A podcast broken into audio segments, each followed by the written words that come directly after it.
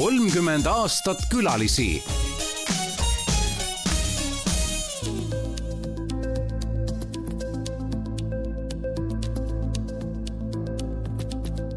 täna kümme tuhat üheksasada viiskümmend seitse päeva tagasi oli pühapäev, seitsmeteistkümnes jaanuar tuhat üheksasada üheksakümmend kolm.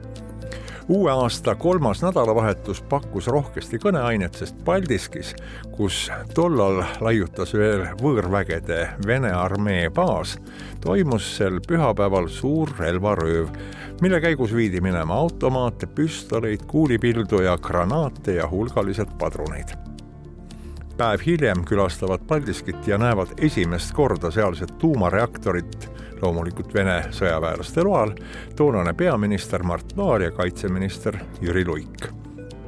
reaktorile pole seni ühelgi iseseisva Eesti riigi võimuesindajal juurdepääsu olnud ilm oli tol pühapäeval soe, nädalapäevad tagasi, üheteistkümnendal jaanuaril oli sündinud Tallinna selle päeva soojarekord seitse koma null kraadi ning soojarekordid püsivad siiamaani selle aasta jaanuarist ka Tartus ja mitmel pool mujal Eestis niisugune oli sündmuste taust Eestimaal, kui tolle seitsmeteistkümnenda jaanuari pühapäevasel pärastlõunal astus linnahalli uksest sisse toonane Tallinna linnajuht Hardo Aasmäe, et osaleda Kuku raadio uue saatesarja esimeses saates Kukul külas. Nädal varem olid Jüri Aarma ja Erkki Peerents kogunud kuulajatelt otse-eetris telefoni teel soove, keda saatesse külla kutsuda ja linnapea Aasmäe oli üks paljude soovitute hulgast. et Kuku pealinnast tol ajal kaugemale palju ei levinudki, siis oli Linnaraadio küllakutse linnapeale igati asjakohane. ja nii see saade siis toona eetrisse jõudiski. tere tulemast ja aitäh! hakatuseks, Hardo, mida sina tavaliselt pühapäeval sellisel kellaajal teed? Noh, ma pean ütlema seda, et pühapäeva hommikuti on, on see aeg, kus ma armastan kaua magada. mitte mina üksi, vaid, vaid kogu pere, nii abikaasa kui ka tütar, kõigil on kalduvus pühapäeva hommikul kaua magada, nii et kusagil kella üheks me oleme siis noh, nii valmis, et kas me lähme siis välja või, või hakkame, nagu öeldakse, liigutama, aga muidu üldiselt see hommik kulub ikkagi niisugusele noh, vaiksele pühapäevale, ütleme nii nii see algas. tegelikult tasub saatesarja alguspunkte otsida siiski ka varasemast ajast.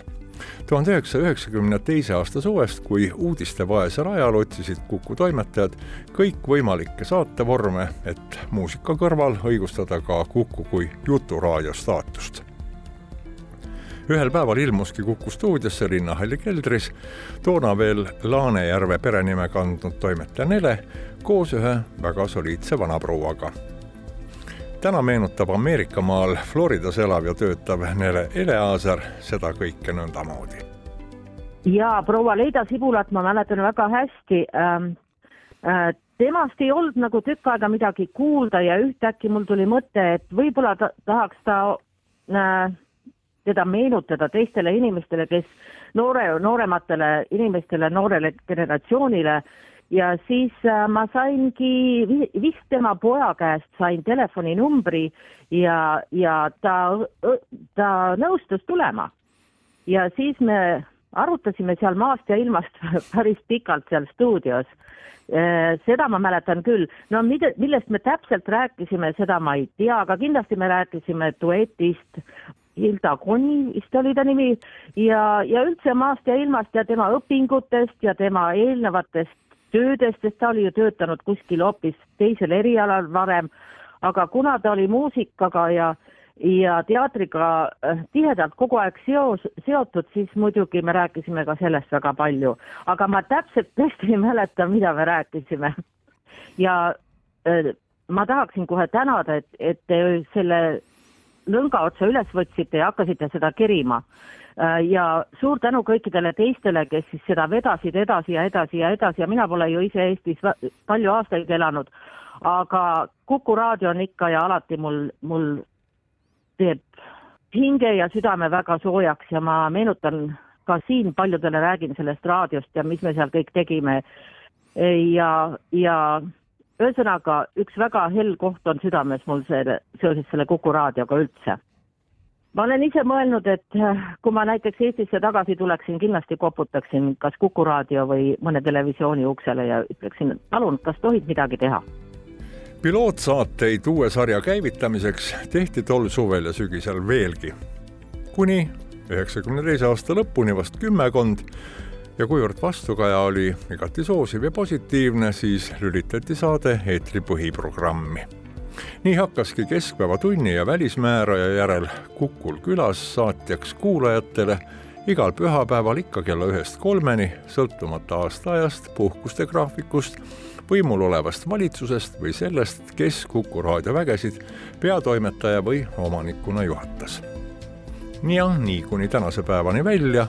tuhande neljasaja kaheksakümne kahe saate ja tuhande neljasaja kaheksakümne seitsme külalisega, millest valdav enamus on ka Kuku arhiivis helifailina oma koha leidnud ja laseb tagasi pöörduda kaugetesse aegadesse ja inimeste juurde, keda meie hulgas täna enam polegi ehk tervelt sada kaheksakümmend lugupeetud ja armastatud Eesti inimest on oma hääle ja emotsiooniga jäänud mitte ainult meie mälestustesse, vaid just nagu nad oleksid ikka veel meie hulgas, võta ainult ja kuula. nagu ka kolm kahekümne kahest saatejuhist, kes seda sarja on läbi kolme aastakümne juhtinud, Raivo Järvi, Vello Rand ja muidugi Jüri Aarma oma kahesaja viiekümne kaheksa saate ja kahesaja kuuekümne kolme külalisega ja eks mul ole oma sõna siin ka sekka olnud öelda, ma olen näiteks keeldunud spordiinimestega intervjuud tegemast, sest ma ei tea lihtsalt spordist suurt midagi ja siis ma võin noh, mingi lapsusega mööda panna. enamasti kultuuri, kunsti, teatri, muusika alainimesed ja muidu sellised vahvad tüübid, poliitikud ka, sest et nemad on ka parajad kultuuri, kunsti ja ja muidu inimesed, nii on. raadio ei saa kõike alati edasi anda.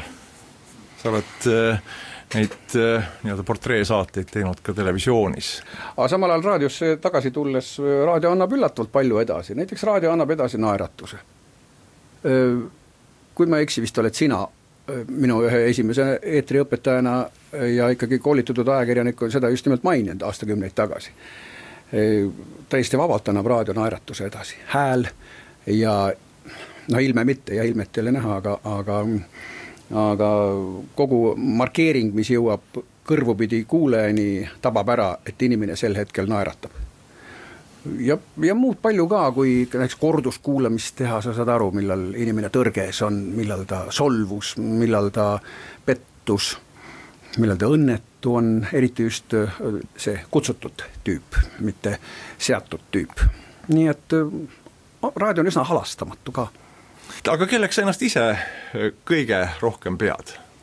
suhteliselt laisapoolseks tüübiks, kes ei viitsi süveneda ega süüvida suurt mitte ühtegi asja, tänu millele on kõik minu asjad nagu mingil määral sellised ülelennud ja, ja enda tehtud vanasõnana julgen ma kuidagi konstrueerida, et pealiskaudsuse ja mitmekülgsuse vahel on piir väga õhuke. kui tahan ennast kiita, siis võin ju öelda, et oi, oi, oi mitmekülgne, aga kui süüvima hakata, siis jään ma peatselt igas selles valdkonnas, seal alates transportöölisest ja lõpetades peatoimetajaks olemisega varem või hiljem eh, jänni jätkamegi Kuku külalissaate kolme aastakümne meenutamist nende raadiotegijate mälestuskildudega, kes selle sarja läbi aastakümnete on tänasesse päeva toonud. näiteks Tiit Karuks, täna rohkem raamatute kirjutamisega ametis olev raadiolegend. see oli tegelikult väga huvitav aeg ja minule selline saatevorm on läbi aastate alati väga meeldinud. seega pikk usutlus, kus külaline kas kiiresti või tasapisi avaneb, avaneb ka kuulajale. ja tõepoolest äh, tegin sada üksteist saadet, külalisi oli sada kaksteist, sest üks saade oli kahe külalisega, need olid kaksikvennad Tõnisted. esimese saate tegin ma Tiit Nuudiga, see oli kolmas november tuhat üheksasada üheksakümmend kuus ja viimase äh, käsipallitreener Jüri Lepaga kahekümne neljandal mail kaks tuhat viisteist. aga kui meenutada nüüd mingeid lugusid, siis äh, väga huvitav oli saade Heino Lipuga. Heino Lipp oli teatavasti omal ajal maailma parim kümnevõistleja, Euroopa parim kuulitõukaja, aga Nõukogude süsteem, Nõukogude absurdiriik ei võimaldanud teda välismaal toimuvatele võistlustele, olümpiamängudele, seega ta jõudis alles kahe tuhande teisel aastal, kui tähistati Helsingi olümpiamängude viiekümnendat aastapäeva, siis käisin koos Lipu ja tema abikaasaga Helsingis. aga Heino Lipuga oli see lugu, et me teadsime, ma olin Heino Lipust kõneleva dokfilmi stsenarist ja intervjueerija, et ega ta stuudios suurt midagi ei räägi, et Heino Lipp on vabaõhumees ja seega sündis otsus teha saade Kukul külas Heino Lipuga Kadrioru staadionil, samal ajal käis üks mitmevõistluse võistlus seal ja tõesti, ma julgen öelda, et Heino Lipp avanes selles saates. ja oleks me olnud stuudio seinte vahel, siis sellist saadet ei oleks sündinud. see oli selline huvitav saate sünnilugu. Ja muidugi jääb mulle elu lõpuni meelde äh, saade Isa Vello Saloga Äh, selle saate tegin ma kahe tuhande teisel aastal.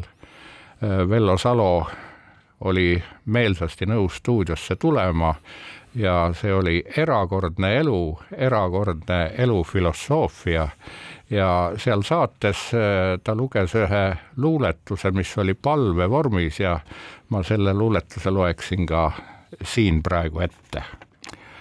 ma luban endal välja hingata kõik mis vaimuvabadust varjab. ja endal sisse hingata kõik, mis vaimuvabadust annab, sest vaim juhib keha. Ja teen iseendaga rahu ja kõigi ja kõigega, mis sellega seotud on.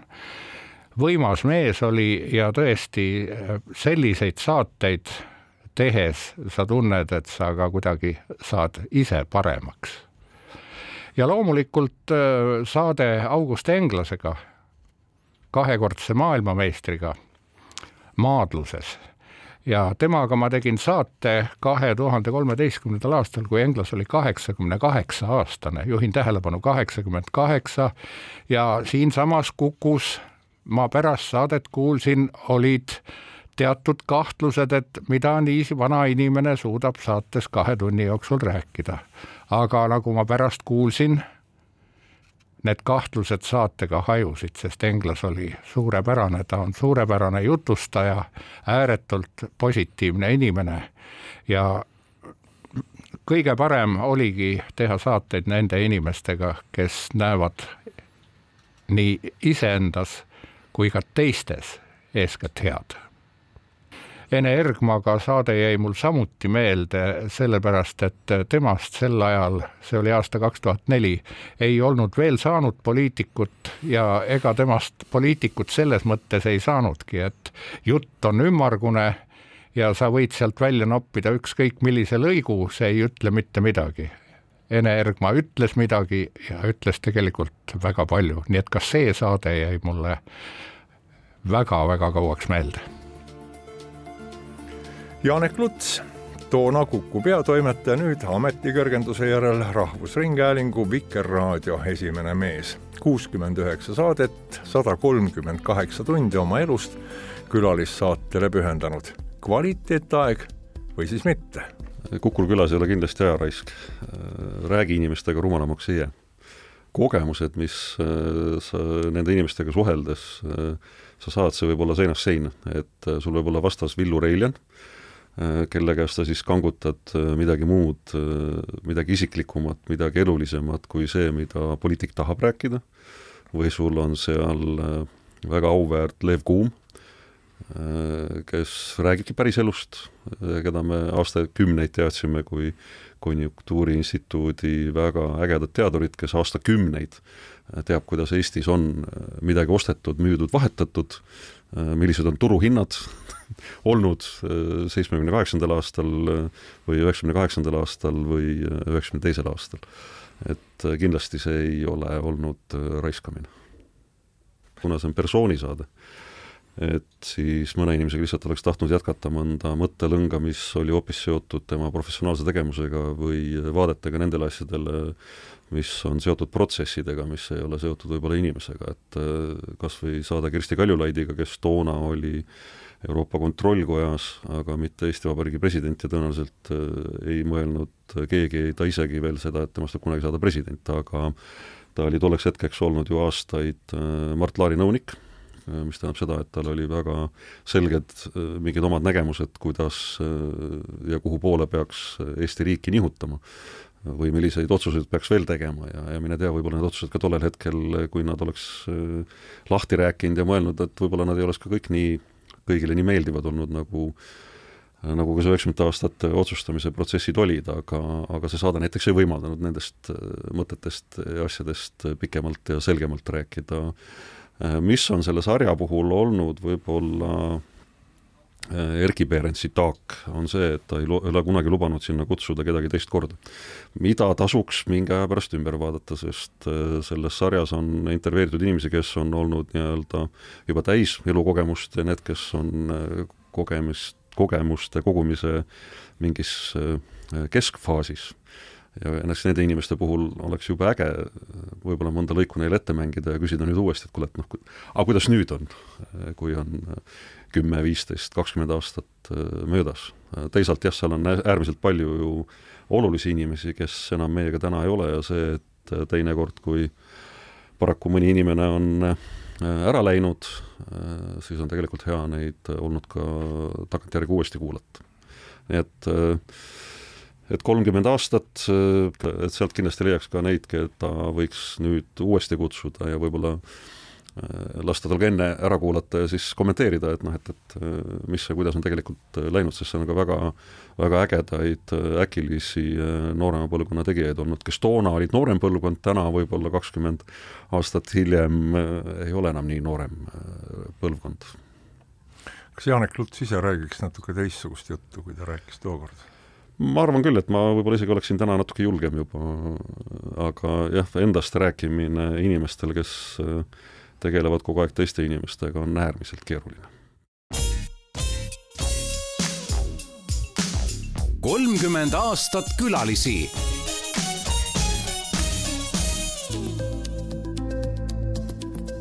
jätkame juttudega, mida Kuku külalissaate tegijad sarja kolmekümnendal aastapäeval nii enda kui teiste tehtust meenutavad. Kristel Trell, Kuku-aegse perenimega Kossar, kelle kontos on kakskümmend üheksa saadet samasuguse hulga külalistega ajavahemikus kaks tuhat üheksa kuni kaks tuhat kaksteist. olen üks nendest autoritest, kellel on olnud võimalus ja suur õnn ning rõõm teha saadet Kukul külas nende aastate jooksul. see ei ole lihtsalt üks saade Eesti ajakirjandusmaastikul, vaid see on palju rohkemat. see on loo jutustamine, see on inimese avamine ja, ja see, kuidas inimene avaneb su su, su silme all, su, su, su kõrvus, kuulaja ees, see on niivõrd unikaalne hetk, see on niivõrd kordumatu, inimene on niivõrd habras inimene on niivõrd tundlik tegelikult, et, et kui sul, kui sul see, see uks või aken tema, tema äh, sellesse hingemaailma avaneb, siis, siis see on täiesti kordumatu hetk. ja vot Kukul külas on üks niisugune äh, koht, kus see tõepoolest nõnda läheb. mul on hea meel et kõik need inimesed, kes on käinud mu saadetes, on mind nii palju usaldanud. ja kui ma seda saadet tegema hakkasin, siis see oli niivõrd aukartust äratav nimekiri. esiteks, kui mõelda nende isiksuste peale, kes kõik on nii seda saadet teinud, kui äh, selle mikrofoni ees istunud ja, ja tõesti on mul väga hea meel, et mu õppejõud ülikoolist ja hil hiljem ka mu kolleeg raadios Erkki Perens mulle noore ajakirjanikuna niisuguse võimaluse andis ma mäletan, kuidas ma tegin Evelin Ilvesega emadepäeva saadet näiteks, selleks ma muuseas, see on minu elu ainuke kord, kus ma olen saanud presidendi lossi minna Kadriorgu. ja siis me jõudsime järeldusele, et meile mõlemale meeldib Kristiina Ihini luule. ja, ja siis ma, ma lugesin ühe Kristiina Ihini luuletuse selles saates ja mõtlen praegu, et, et ega ei olegi palju võimalusi tegelikult kunas sa saad raadioeetris niimoodi luulet lugeda ja, ja, ja sellest rääkida nii et, et me tegelikult keskendusime selles saates alati olulisele, just sellele, mida inimene mõtleb mida ta tunneb, mis teda käivitab. Ja, ja minu meelest on see väga oluline, oluline on rääkida ideedest, kõnelda sellest, mis on tegelikult tähtis. Ja väga oluline on ka see muusika, mida külalised kaasa toovad. vaadake, see muusika, see räägib ka hästi palju inimese kohta ja, ja loob nii-öelda veel mingi täiesti teise tasandi sellele saatele, mis tõstabki Kukul külas saate täiesti eriliseks ja ja kui ma vaatan oma külalisi, siis, siis ma mõtlen, et, et kui, kui suur kui suur võimalus või, või kui suur, kui suur au, ma olen niivõrd tänulik, et need inimesed on mu saadetesse tulnud. Need inimesed just, kes on nagu, nad on pidanud mind vääriliseks, oma ideede jagamise vääriliseks ja ja näiteks üks, üks ääretult südamlik ja, ja tore kohtumine oli mul helilooja, võrratu helilooja, võrratu inimese mm, Eino Tambergiga. see on üks mu elu, elu kõige südamlikumaid, kõige toredamaid kohtumisi olnud üldse. ja mul on väga hea meel, et me saime rääkida. ma ei teadnud siis, et rohkem võimalusi meil elus enam kohtuda ei tulegi.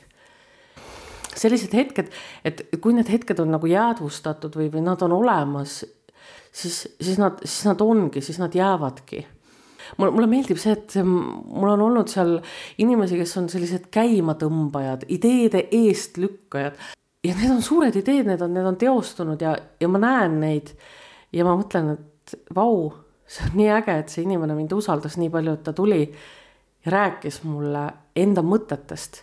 üks väga tore sõprus näiteks on meil sellest saatest välja kasvanud äh, kirjaniku ja esseisti Imbi Pajuga. ja Imbi on olnud mulle tõesti suureks inspiratsiooniks ka ja väga-väga selline soe ja südamlik äh, ideede vahetus on sellest alguse saanud juba kümme aastat. nii et noh, ma olen väga tänulik, et, et Kukul külas mu ellu, mu ellu selliseid kohtumisi tõi ja, ja, ja need inimesed, nende ideed ja see on nii, nii tore, et see saade nagu on aja hambaproovile, millele meedia tihtipeale vastu ei pea, on vastu pidanud. Sest ma ütlen, et ta ei ole lihtsalt saade, ta on palju rohkemat kui saade. nii et äh, mul on hea meel, et ma olen olnud osaks Kukul külas loost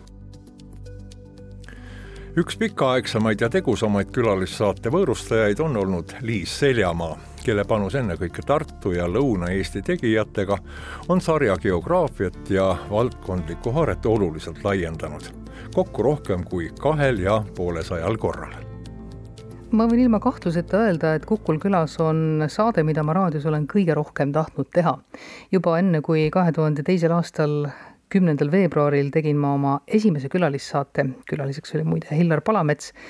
enne ma juba salamisi mõtlesin ja ma ei mäleta, kas ma ennast ise saatejuhina välja pakkusin või tegi selle ettepaneku mulle ikkagi raadio toonane peatoimetaja, aga saade sai teoks. Tuleb tunnistada, et äh, väga kogenud raadiohääl Hillar Palamets oli saatejuhist selles mõttes pisut üle, et see saade kulges natuke rohkem tema taktikepi all, kui see saatejuhi juhtimise all oleks võinud olla, aga nii hästi ma ikkagi seda saadet läbi viisin, et peale seda on mul olnud võimalus teha sadu saateid Kukul külas. täpsemalt siis kakssada viiskümmend üheksa kahesaja kuuekümne saate külalisega. ühes saates käisid nimelt siis kirjanike paar Enn ja Helga Nõu korraga, et neid ma eraldi ette ei võtnud ma ei tea, kas mõne teise kolleegiga on juhtunud niisugune asi, et umbes pool tundi enne saate algust on välja vahetatud saatekülaline. minuga juhtus see seetõttu, et ähm, Mati Miilius, kes pidi saates külalisena osalema, kadus ära. ma ei ole ka tagantjärgi küsinud tema käest, et mis temaga siis juhtus, aga Enrico Talvistu, kes teda otsis tulemusteta nõustus väga kiiresti ise saatekülaliseks tulema. ta kirjutas külaliste raamatusse veel midagi umbes sellist, et äh, sidusin Mati Miiluse kinni, et saaksin ise külalise toolil istuda. ma väga loodan, et see päriselt nii ei olnud.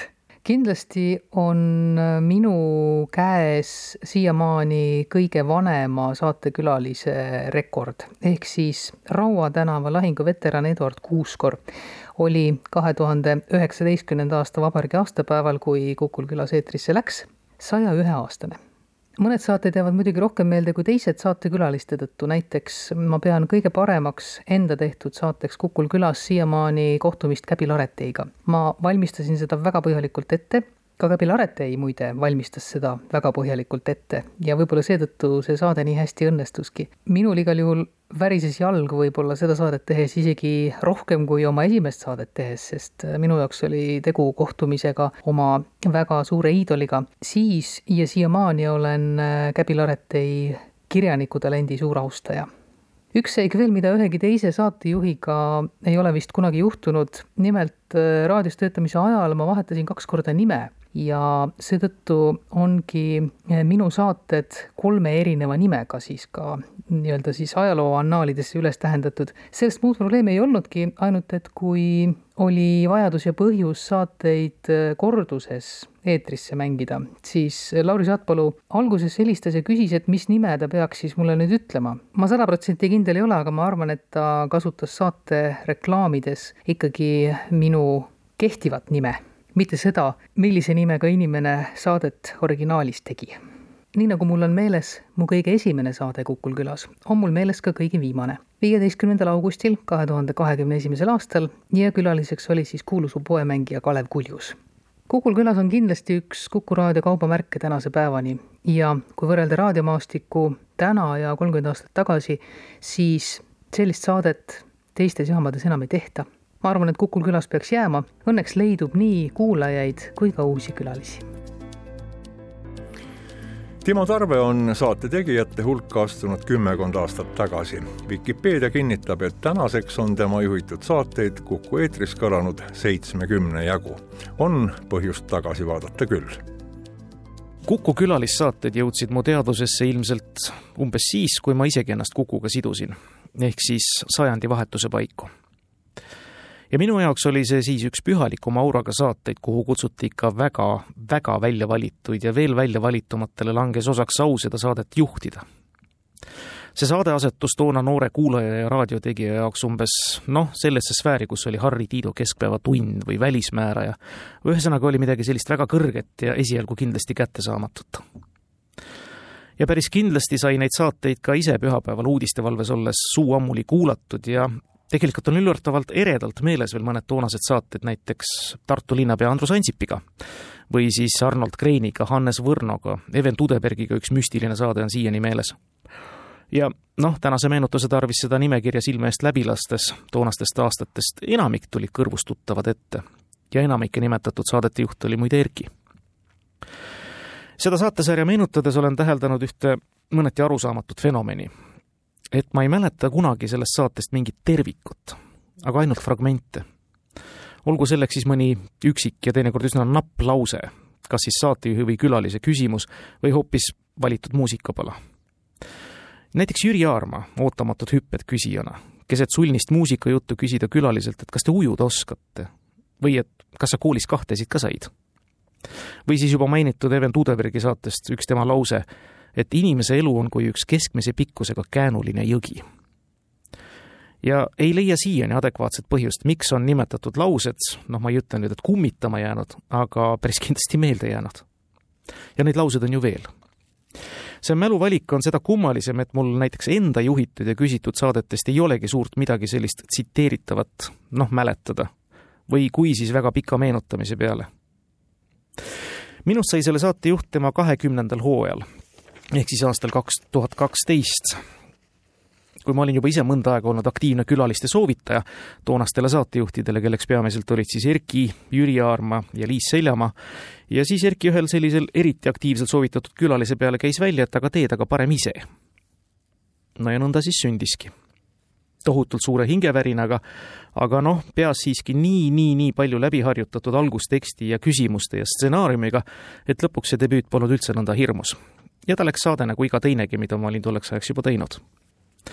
see oli siis külalissaade maadlustreener Henn Põllustega, mis oli otse-eetris kolmekümnendal septembril Londoni olümpiaastal kaks tuhat kaksteist ja ka üks ütlemata sobiv hetk ja aasta, sest et Põlluste edukaim õpilane Heiki Nabi võitis tol samal suvel olümpiahõbeda. me leidsime külalisega toona üsna hästi ühise keele ja õiged jutupunktid ja sestap ka see saade õnnestus kenasti. väga muheda mehega, kelleks Põlluste kahtlemata on ja see andis siis julguse edasi teha ja saate tegemist koordineerinud peatoimetajale Hindrek Riikojale ilmselt siis mind edaspidigi lülitada tegijana külalissaadete graafikusse. tänase hetke seisuga olen teinud seitsekümmend üks külalissaadet kokku seitsmekümne ühe külalisega ja ei salga, et aeg-ajalt kerin Vikipeediast lehelt siis neid külalisi ikka üle ja taban ennast taas kord väga kummalise fenomeni juurest. nimelt ma ei mäleta peaaegu et kunagi ühegi külalise puhul täpselt selle saate sisu. aga iga jumala kui külalise juures nende seitsmekümne ühest suudan ma meenutada, kuidas me stuudios ühel või teisel juhul istusime või ühel juhul ka külalise juures külas käies, see oli siis auväärne poksiveteran Rein Pajur, et milline ilm näiteks oli väljas või et kes külalistest kohvi jõi või teinekord ka seda, mis tal seljas oli, näoilmetest rääkimata. see on jah naljakas, kuidas need asjad on pisiasjadeni meeles, aga saate sisu mitte nii väga. Või kui siis üks või kaks või sugugi mitte saate seisukohalt väga olulist lauset või tsitaati külaliselt. mul kahjuks või pigemini isegi õnneks ei ole selle saate tegemisest tuua ühtegi ekstreemset laadi mälestust kõige ärevam olukord oli seoses saatega, noh, nüüd juba viis aastat tagasi vist jah, kui ma pidin ühe ja mitte enda õnnetu unustamise ning eriti pika telefonimängu tulemusena leidma külalise, alustades tema püüdmist laupäeva õhtul kell üheksa ja see oli siis nõndaviisi, et äh, saade pidi olema järgmisel päeval, kuusteist tundi enne see oli siis nädalavahetus kell üheksa õhtul ja siis tuli käiku lasta see võtete ja mõtete arsenal, et kellele üldse sobib tol hetkel helistada ja sellise palvega. aga läks õnneks. see inimene, kellele sobis helistada küll väga suurte vabanduste saatel, jäi nõusse ja saade tuli ka väga kena välja. Ja kogu selle protsessi tegi veel põnevamaks asjaolu, et see oli laupäev, kui mul oli ka sünnipäev. ning toonaste heade sünnipäevakülaliste aktiivse kaasaelamise saatel sai ka too otsing ja lõpuks ka siis kõne tehtud ja selle tulemusena sündinud saatest muide mul on meeles fragment või külalise kirjeldus tema lapsepõlve suurest pannist, millega ta pühapäeviti kodus pannkooke tegi. üks asi, millest tahan kindlasti külalissaatega seoses rääkida, on Kukul külas Vikipeedia leht internetis. See on üks haruldane leht ja üks imeline ja suur töö, mille Henn Sarv on kunagi ette võtnud, talletamaks siis veebi ja kõigile kättesaadavaks ja järelkuulatavaks ka lõviosa meie külalissaadetest läbi nende kolmekümne aasta. vaat see on meie tõeline Jupiter ja päris oluline tükk Eesti ajalugu, mis sel lehel on järelkuulatav või vähemasti siis nimekirja pidi sirvitav ja tõesti siiras ja suur tänu Sarviktaadile selle tehtud töö eest. Ja tunnistan nüüd ausalt üles, et viimasel paaril aastal olen ka ise seda kroonikat püüdnud operatiivselt täiendada, et see nimekiri püsiks seal koos ja järelkuulatavate saadetega ka täielik ja täiuslik kui ma nüüd alustasin meenutamist sajandivahetusest, siis tuleb muidugi möönda, et see oli ka aeg, kui need sügavad ja pikad portreesaated olid veel nii raadios kui ka televisioonis igati au sees ja esindatud ja ka vaadatavad ja kuulatavad, noh, televisioonis näiteks Tähelaev. ja nüüd, kui ma hakkan mõtlema, siis ega peale meie külalissaate ja võib-olla ka siis Vikerraadio Käbi ei kuku saatest, esimese hooga ei teagi rohkem nimetada. Neid pikki ja põhjalikke portreesaateid. ja see ei ole kindlasti etteheide, vaid lihtsalt tõdemus ja eks põhjusi on sellele ka rohkem kui üks, nendestki on kirjutatud ja räägitud, mistap ei hakka neid üle kordama. aga päris kindlasti ütlen, ja see on subjektiivne arvamus, et Kukul külas formaat ja ka pikkus, see kaks tundi on jätkuvalt elujõus ja päris kindlasti jaksab Eesti inimene kuulata pikemat juttu, kui seda on viis-kümme minutit. no vaadake kas või meie menukate podcastide või taskuhäälingu saadete pikkusi. sest lõppkokkuvõttes sisu on ju oluline ja meie saadetel on see olnud kvaliteetne ja päris lõpetuseks veel ühest kummalisest fenomenist, mis puudutab mul seost külalissaadetega. kahe tuhande kolmeteistkümnenda aasta üheksandal juunil oli Kukul külas teoloog ja vaimulik Toomas Paul ja seda saadet juhtis Jüri Aarma. arvan, et ei liialda, kui ütlen, et seda konkreetset külalissaadet olen ma kuulanud julgelt tosin korda ja ma ei oska öelda põhjust, miks just seda külalissaadet kõigist nendest ligemale tuhande viiesajast milleks ju võimalus on. aga on nõnda juhtunud, et mõnel tegevus- või jõudehetkel, kui lihtsalt tekib aeg midagi pikemalt kuulata, noh, koduseid toimetusi tehes või pikemat jalutuskäiku ette võttes, ma laen enamasti alla just selle Toomas Pauli külalissaate ja muudkui kuulan. palju õnne, armas Kuku külalисsaade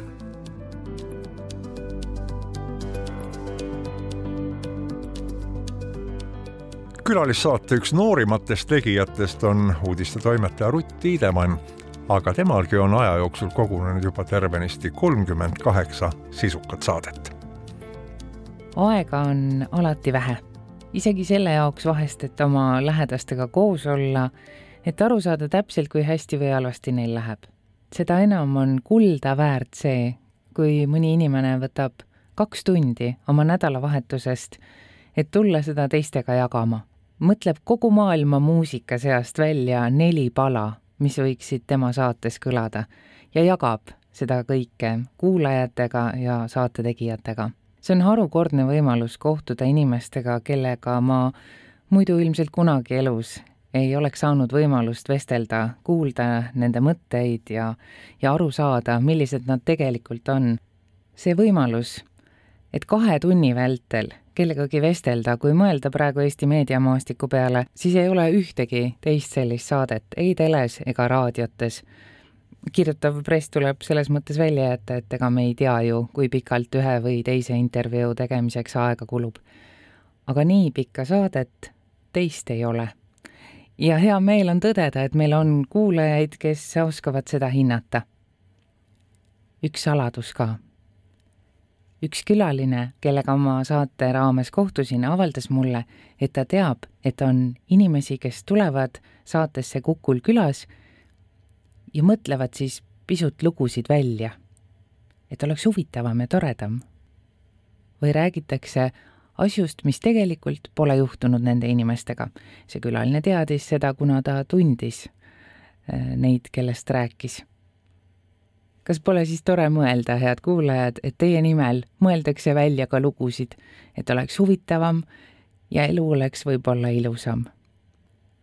kuigi see saate formaat ei eelda ju luiskelugude veeretamist siis on mul ikka natuke tore ja naljakas mõelda, et leidub keegi, kes peab teid, head kuulajad, nii oluliseks, et seda kõike pisut ehk ilusamaks või põnevamaks maalida või ka enda jaoks ja miks siis mitte, ärme pane pahaks. see annab meie saatele ehk ka pisukese võimaluse folkloori vallas silma paista. ma olen kindel, et enamus külalisi, kes selles saates käivad, on ausad, ilusad ja head. veel kord suur tänu kõigile kes on võtnud selle aja, jaganud oma mõtteid ja muusikamaitset Kuku kuulajatega. kummardan teie kõigi ees, aitäh! sellised siis tegijate meenutused. küllap on igal kuulajal oma lemmikud, oma mälupildid, oma ootused, mida saatesarja tegijad püüavad ka edaspidi sama rada kõndides järgida. üks tähelepanek siiski veel keegi meie saatekülalistest pole sündinud hiljem kui seitsmeteistkümnendal jaanuaril tuhat üheksasada üheksakümmend kolm ehk pole noorem kui see sari. arvatavasti toovad lähiaastad ka sellesse statistikasse korrektiive külalissaate tegijad tänavad nii külalisi, kellega meil on olnud au seni ja ka tulevikus ehk stuudioaega jagada ning loomulikult ka kuulajaid, kellega koos järgmistele aastatele vastu minna. olge meiega kolmkümmend aastat külalisi